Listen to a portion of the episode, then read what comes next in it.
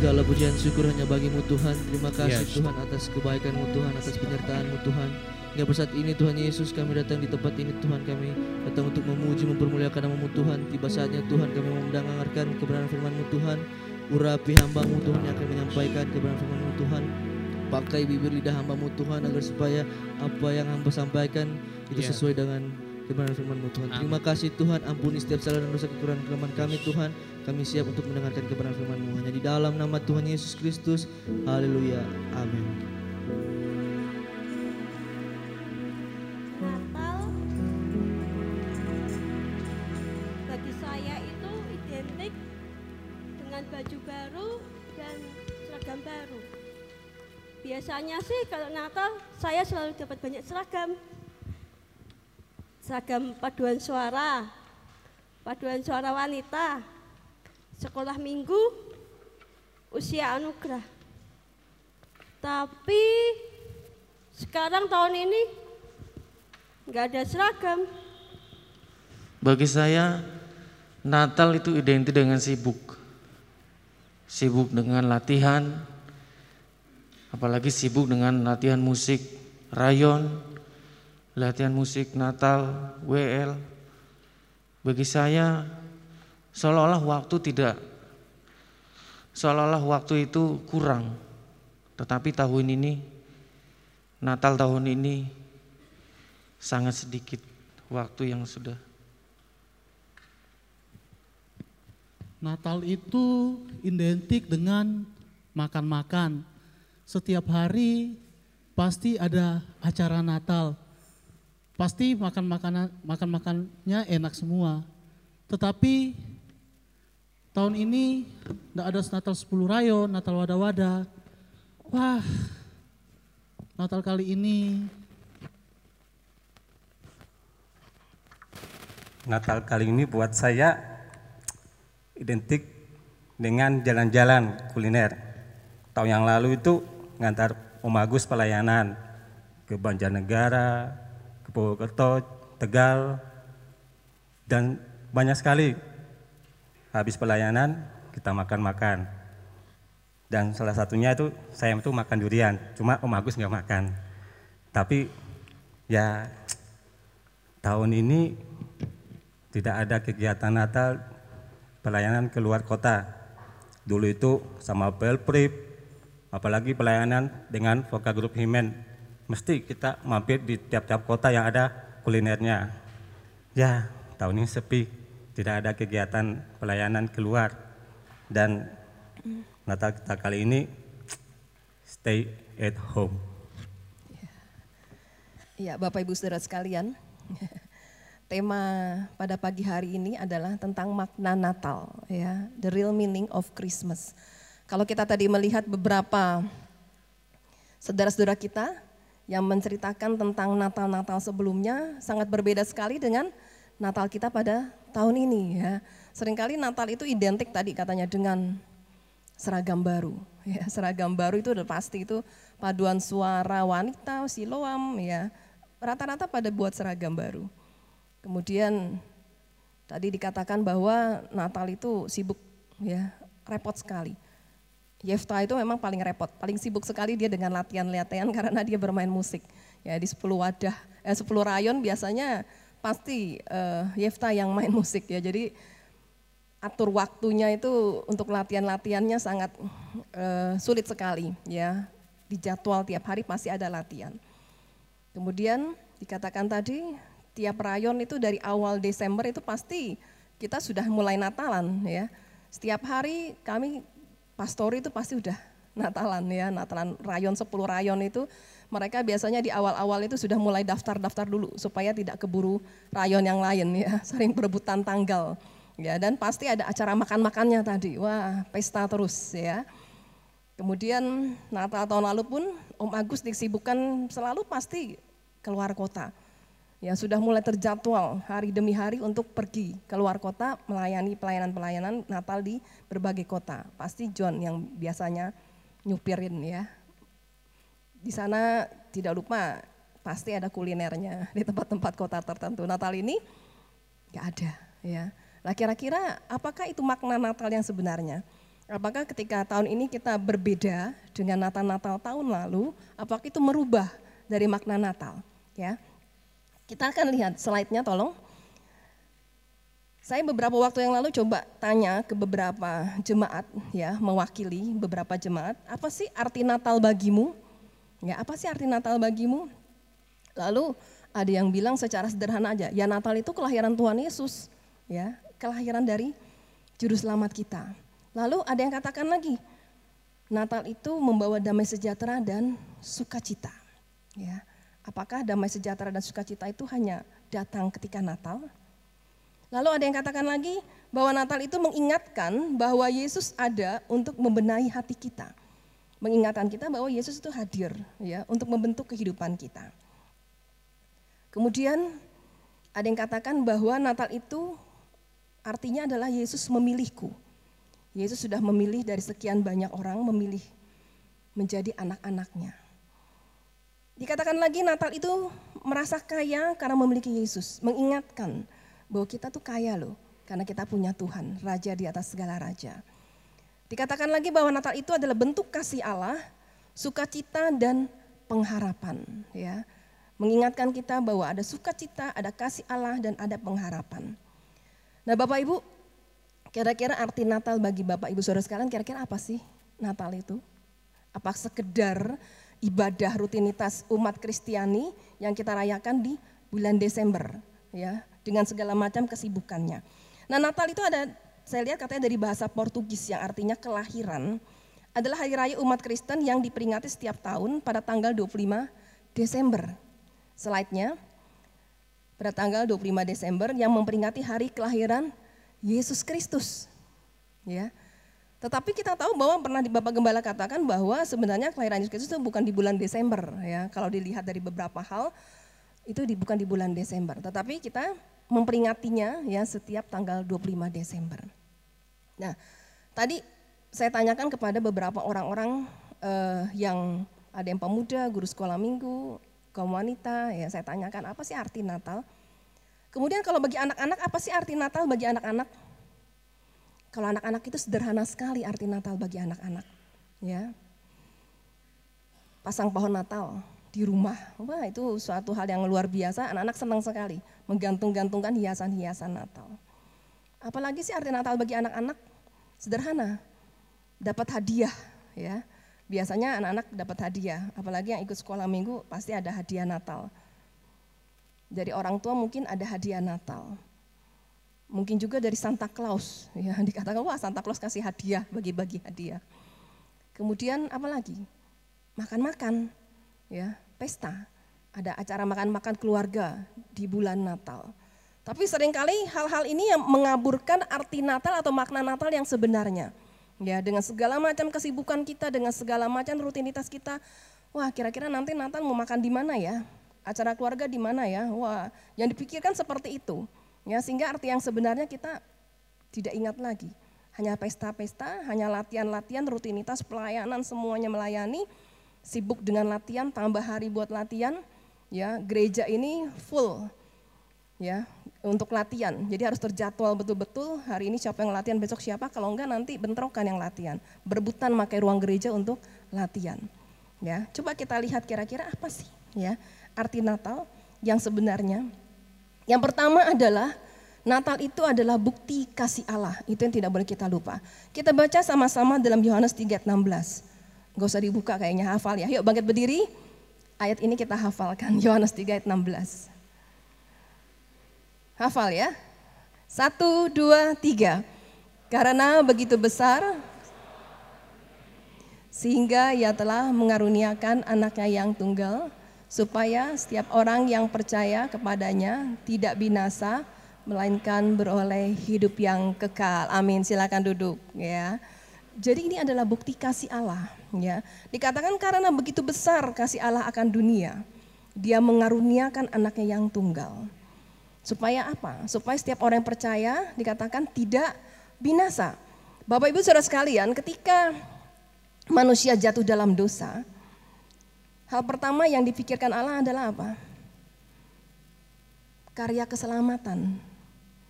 Ya, Tuhan Allah kita tuh nggak mau manusia itu jatuh dalam dosa sehingga membuat putus hubungan antara Allah dengan manusia. Allah sangat mengasihi manusia. Lalu yang pertama dipikirkan bagaimana caranya menyelamatkan manusia. Bagaimana supaya hubungan antara kasih Allah dengan manusia itu tidak terputus karena dosa. Lalu Allah merencanakan apa? Dengan kelahiran anaknya. Tetapi dalam rangkaian karya kasih Allah itu ketika uh, Allah merencanakan untuk melahirkan ya anaknya ini di dalam dunia. Tetapi akhir dari kelahiran itu adalah kematian. Ada nggak orang yang berencana akan melahirkan seorang anak diakhiri dengan ada satu pro program ya proses e, rencana anaknya meninggal? Udah pasti gitu ya. Allah kita udah pasti kan melahirkan Yesus Kristus ke dalam dunia, putranya yang tunggal. Lalu dalam akhir dari rencana adalah kematian. Kalau kita bikin rencana kan pasti akhirnya suatu hal yang luar biasa, kesuksesan, kehebatan, sesuatu hal yang indah. Tidak ada di, eh, di akhir rencana kita sesuatu hal yang kalau bagi kita kematian itu ada suatu hal yang menyedihkan. Ya. Inilah bukti kasih Allah yang luar biasa dalam setiap kehidupan kita yang selalu harus kita ingat. Ya, jangan kita lupakan. Seringkali dengan kesibukan-kesibukan kita menjelang Natal membuat kita lupa bahwa makna Natal yang sebenarnya adalah bukti kasih Allah yang luar biasa. Ya sering kali dengan Natal ini, tahun ini mungkin memang Tuhan izinkan kita mengalami suatu kondisi yang berbeda, supaya kita lebih mengerti lagi makna kasih Natal. Gak usah sibuk, repot dengan panitia Natal yang ngurusin ya dengan eh, acara-acara yang mewah mungkin yang megah, sibuk dengan urusan makan-makan ya, mau pesta di mana, sibuk dengan penampilan-penampilan yang mungkin wah latihannya sudah dilakukan beberapa bulan sebelumnya. Yang sering kali membuat itu kita lupa bahwa sebenarnya harus kita ingat adalah kasih Natal. Ya. Kita baca dalam 1 Yohanes 4 ayat 7 sampai 8.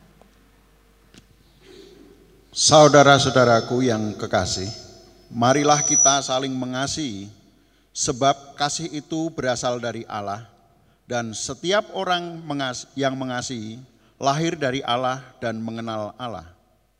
Barang siapa tidak mengasihi, ia tidak mengenal Allah, sebab Allah adalah kasih. Ya, dikatakan apa? Saudara-saudara yang kekasih, marilah kita saling mengasihi. Ya, ketika bukti kasih Allah sudah dinyatakan dalam kehidupan kita, maka dikatakan marilah kita saling mengasihi. Arti kata saling apa sih? Arti kata saling adalah saling berbalasan ya. Katanya di, e, dikatakan bahwa kasih itu bersifat mengajarkan bahwa kasih itu bersifat resiprokal, saling berbalasan. Jadi kasih itu nggak cuma satu arah, dua arah. Jadi ketika Allah mengasihi kita, marilah kita juga mengasihi Allah dan juga mengasihi sesama kita. Ada satu tulisan di pintu gereja, di salah satu gereja, dikatakan seperti ini. Uh, tetap ada kasih, ya, saling mengasihi, tetap mengasihi dan lakukan itu terus.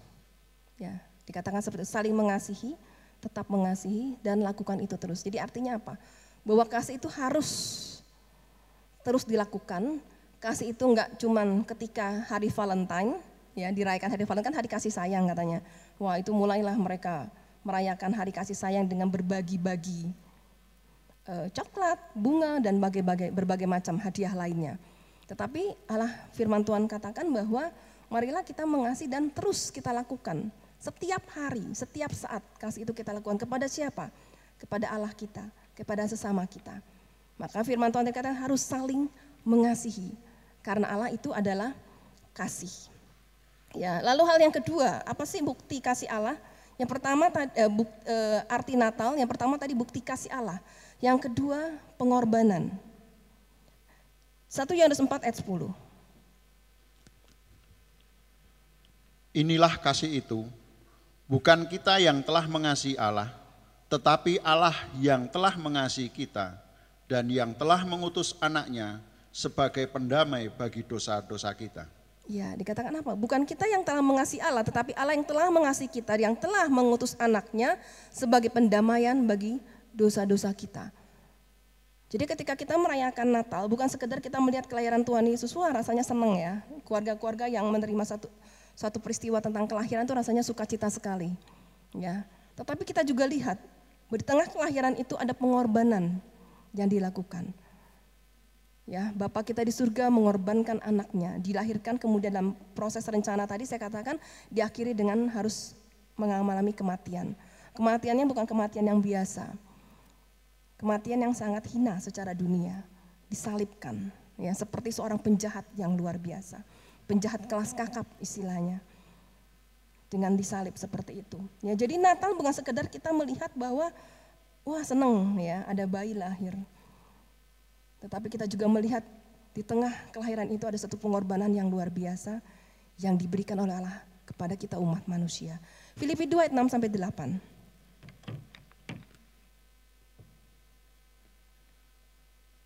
Yang walaupun dalam rupa Allah tidak menganggap kesetaraan dengan Allah itu sebagai milik yang harus dipertahankan, melainkan telah mengosongkan dirinya sendiri dan mengambil rupa seorang hamba dan menjadi sama dengan manusia.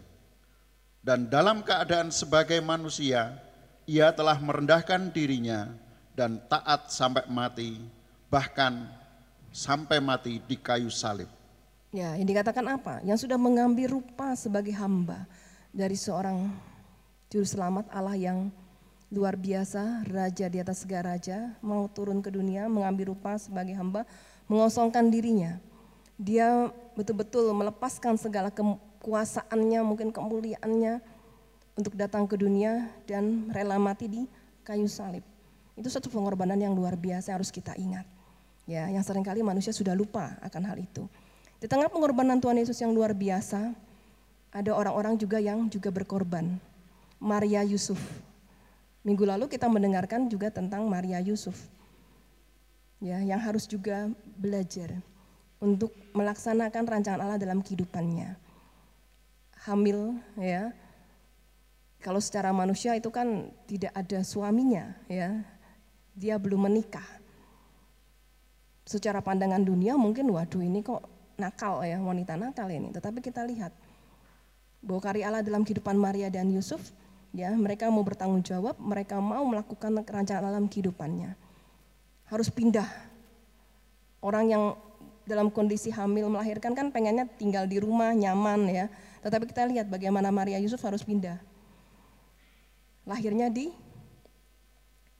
palungan. Ya. Di kandang. Itu bukan hal yang menyenangkan. Kita saja mungkin setidak mampunya kita mungkin harus menyewa kamar rumah sakit VIP, tetapi minimal kita melahirkan kan tetap di tempat yang enak ya, di bidan atau di rumah, di kasur yang nyaman ya, tidak di palungan, tempat makanan binatang ya. Jadi kita lihat bahwa pengorbanan yang luar biasa sekali. Kita boleh rasakan bahwa Tuhan itu luar biasa. Ada orang majus yang Tuhan persiapkan juga untuk memberikan mas kemenyan dan mur. Ada persembahan, ada korban yang diberikan oleh orang-orang majus ini. Orang majus itu adalah orang-orang yang mampu, orang yang kaya. Tetapi dia mau melakukan perjalanan yang jauh, melihat ada satu bintang menuju tempat di mana ada Tuhan Yesus di sana. Ya. Jadi pengorbanan ini harus kita ingat pengorbanan yang luar biasa. Apa sih yang sudah kita berikan buat Yesus selama kita hidup ini? Apa sih yang sudah kita kerjakan? Oh Tuhan, saya sudah berkorban banyak. Apa yang sudah kita korbankan buat Allah kita? Tuhan, saya sudah melayani loh. Setiap hari mungkin saya hampir ada di gereja, datang untuk melayani. Itu pengorbanan yang saya berikan buat Tuhan. Ya, apakah pengorbanan kita begitu besarnya sehingga kita merasa bangga, oh Tuhan ini saya sudah berikan seperti ini loh kepada Tuhan. Saya sudah melayani Tuhan, saya sudah melakukan setiap aktivitas saya di gereja, pengorbanan baik materi, waktu, tenaga, ini saya sudah berikan loh buat Tuhan. Apa kita bisa berbangga dengan hal seperti itu? Bagaimana dengan kehidupan kita sehari-hari? Seringkali kita bangga dengan pelayanan-pelayanan kita. Kita melakukan semua pelayanan-pelayanan kita. Tetapi sering kali kita lupa. Perilaku kita, tingkah laku kita sehari-hari itu membuktikan apakah kita mengasihi Allah. Bukan sekedar aktivitas di gereja, bukan sekedar pelayanan. Oke, pelayanan bagus. Ya, kita melayani buat Tuhan kita. memuliakan nama Tuhan kita. Tetapi sering kali apa yang kita lakukan di mimbar, ya, kita lakukan untuk pelayanan Tuhan tidak seimbang, tidak sebanding dengan kehidupan kita sehari-hari. Di luar sana sering kali kita lupa bahwa kita itu anak Tuhan. Di luar sana kita sering kali lupa bahwa predikat kita sebagai orang Kristen, pengikut Tuhan, yang harus merefleksikan dirinya, menyatakan kasihnya kepada orang-orang di sekitar kita. Seringkali kita lupa seperti itu. Makanya sering kali Bapak Gembala katakan, ada seorang pendeta yang katakan dia lupa. Ketika di mimbar dia memakai jubah kependetaan. Ketika di luar sana dia lepas jubah kependetaannya, dikatakan wow, berantem oke. Okay. Ya, mau bertarung oke okay, bertarung. Ya, jadi kita jangan seperti itu. Itu artinya kita melupakan pengorbanan Allah yang luar biasa dalam setiap kehidupan kita. Kerjakanlah apa yang menjadi bagian kita dengan sepenuh hati kita, tidak hanya ketika berada di ruang gereja di setiap aspek kehidupan kita, mari kita memuliakan nama Tuhan. Kita mengasihi sesama kita. Ya, jadi jangan seperti orang munafik. Kita baca uh, satu ayat dalam Yesaya 1 ayat 13 dikatakan bahwa jangan lagi kamu membawa persembahan-persembahan yang menjijikan. Coba boleh dibaca.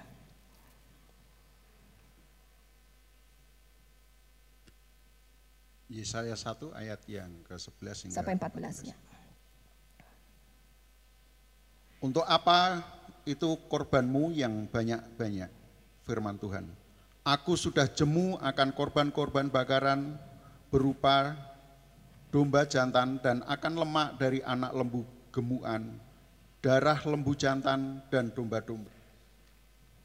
Dan kambing jantan tidak kusukai, apabila kamu datang untuk menghadap di hadiratku, siapakah yang menuntun itu daripadaku, bahwa kamu menginjak-injak pelataran bait suci.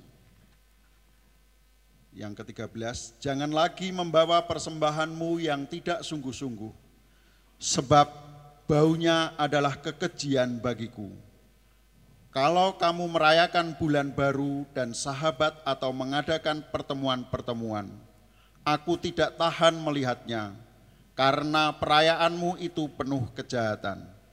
Perayaan-perayaan bulan barumu dan pertemuan-pertemuan yang tetap, aku benci melihatnya.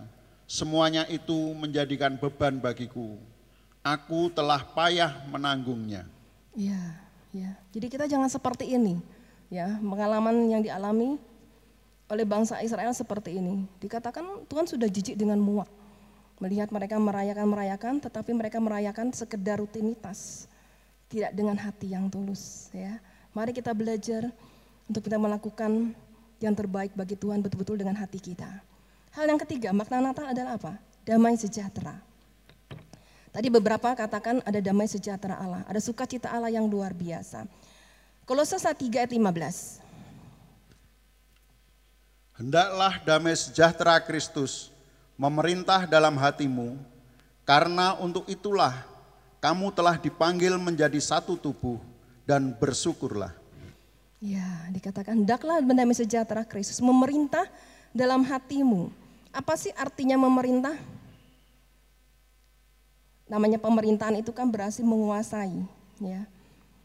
Biarlah damai sejahtera itu ada dalam kehidupan kita, menguasai setiap kehidupan kita. Berarti setiap saat ada damai sejahtera Allah yang ada dalam setiap kehidupan kita. Tetap ada dalam kehidupan kita, apa pun yang terjadi. Kondisi saat ini COVID-19, apakah damai sejahtera Allah memerintah dalam kehidupan kita? Apa kita dilanda ketakutan yang terus menerus? Ya, ini harus kita jalani mau nggak mau. Tetapi biar damai sejahtera tetap ada dalam setiap kehidupan kita. Seringkali pengalaman-pengalaman Natal, ya. Ketika di tengah kesibukan melakukan pelayanan-pelayanan dan sebagainya, panitia, rapat dan sebagainya, sering kali ada gesekan-gesekan. Ada perbedaan pendapat, itu hal yang wajar. Ya, ada perbedaan pendapat itu hal yang wajar. Karena kita berbagai latar belakang, berbagai budaya, ada perbedaan. Tetapi sering kali perbedaan itu terus ada dalam kehidupan kita, enggak selesai sampai di situ membuat akhirnya ketika kita merayakan Natal, merayakan ibadah itu masih terasa ganjel, ya, wah nggak nyaman gitu. Tidak ada damai sejahtera Allah dalam kehidupan kita. Ketika mulai ada gesekan, ada pertentangan, ya sering kali nggak ada. pernah disampaikan ketika kami pelayanan di salah satu gereja sebelum kami merintis gesekannya masalah makanan. Ya Om Bagus pernah sampaikan berapa kali. Ya, ada yang minta sosis, ada yang minta apa satu lagi ya, lumpia. Jadi antara sosis dan lumpia itu berantem ya Yang satu sosis, yang satu lumpia. Jadi nggak ada damai sejahtera. Ya. Ketika diputuskan salah satu, yang satu ngambek. Ya, kok nggak ambil saya punya, engkau ngambil gini ya. Jadi hilang damai sejahtera. Jadi sering kali hal-hal sepele itu membuat kita kehilangan damai sejahtera Allah. Damai sejahtera tidak hanya sekedar ketika kita merayakan Natal. Setiap hari harus ada damai sejahtera. Kepada anak-anak saya sering kali katakan hal sepele jangan dibikin dibesar-besarkan. Hilang damai sejahtera. Masalah kecil jangan dibesar-besarkan. Ya, sehingga akhirnya kita jadi nggak damai sejahtera, memancing emosi keluar. Kita belajar. Seringkali dikatakan apa? Kalau memang tidak perlu dipermasalahkan, jangan dibikin masalah, ya. Udahlah, ya. Biar ada damai sejahtera Allah dalam setiap kehidupan kita. Yohanes 14 ayat 27. Damai sejahtera kutinggalkan bagimu, Damai sejahteraku kuberikan kepadamu dan apa yang kuberikan tidak seperti yang diberikan oleh dunia kepadamu. Janganlah gelisah, gentar, dan gentar hatimu. Iya, dikatakan apa? Damai sejahtera ku tinggalkan bagimu. Tuhan sudah berikan damai sejahtera itu. Damai sejahtera ku kuberikan kepadamu. Apa yang kuberikan tidak seperti yang diberikan dunia. Kalau damai sejahtera dunia itu fana. Ya, jika dapat hadiah, wah happy luar biasa lah itu ada masalah timbul mulai lagi. Ya, stres lagi. Tetapi damai sejahtera yang Allah berikan itu dikatakan bersifat kekal. Jangan gelisah dan jangan gentar. Hadapi apa pun juga, ya, jangan takut, jangan gentar, karena ada damai sejahtera Allah. Menghadapi kondisi apa pun juga, mari hadapi dengan damai sejahtera yang didapat dari Allah. Jangan dari dunia. Kalau kita cari dunia itu nggak akan kekal ya sementara saja. Tetapi Allah memberikan damai sejahtera kepada kita, damai sejahtera luar biasa. Tema Natal kita apa? Bangkit dan menjadi teranglah. Ya. Biarlah Natal kita di bulan Desember ini dengan berbagai aktivitas yang ada, dengan berbagai macam perbedaan mungkin, kondisi yang mungkin bagi kita nggak nyaman, ya. Ibadah aja mesti didata, ibadah aja mesti dibatasi ya ini kayaknya sudah yang jam 6 sudah full ini. Jadi yang ibadah jam 6 pagi untuk ibadah Natal itu sudah full. Jangan membuat ketika kita ingin ibadah Natal jam 6 sudah nggak bisa harus dialihkan ke jam jam setengah 9 akhirnya kita ngomel. Ah, biasanya jam 6 sekarang full nggak bisa. Ditolak sama panitia nggak boleh. Yang jam 6 sudah full. Pindah ke setengah 9 udahlah daripada gitu kita nggak usah Natalan aja. Di rumah aja live streaming gitu ya. Mungkin kalau yang bisa datang oke mari kita datang. Bagi yang usia-usia tua memang harus live streaming di rumah. Ya jangan hal ini jadi membuat kita uh, tidak dapat damai sejahtera. Ya, nikmati. Ya, nikmati ibadah-ibadah kita bersama-sama dengan Tuhan, nikmati damai yang sudah Allah tinggalkan, yang sudah Allah berikan kepada kita ya dengan penuh sukacita. Jangan hal sepele kita besar-besarkan, ya. Mari kita nikmati supaya makna Natal yang sebenarnya itu betul-betul ada dalam kehidupan kita. Ada kasih Allah yang luar biasa, ada pengorbanan Allah yang luar biasa, dan ada damai sejahtera yang luar biasa sudah Allah berikan dalam setiap kehidupan kita. Puji nama Tuhan, itu renungan firman Tuhan yang saya berikan pada kesempatan hari ini. Biarlah tahun ini kita betul-betul ya kembali diingatkan akan makna Natal yang sebenarnya.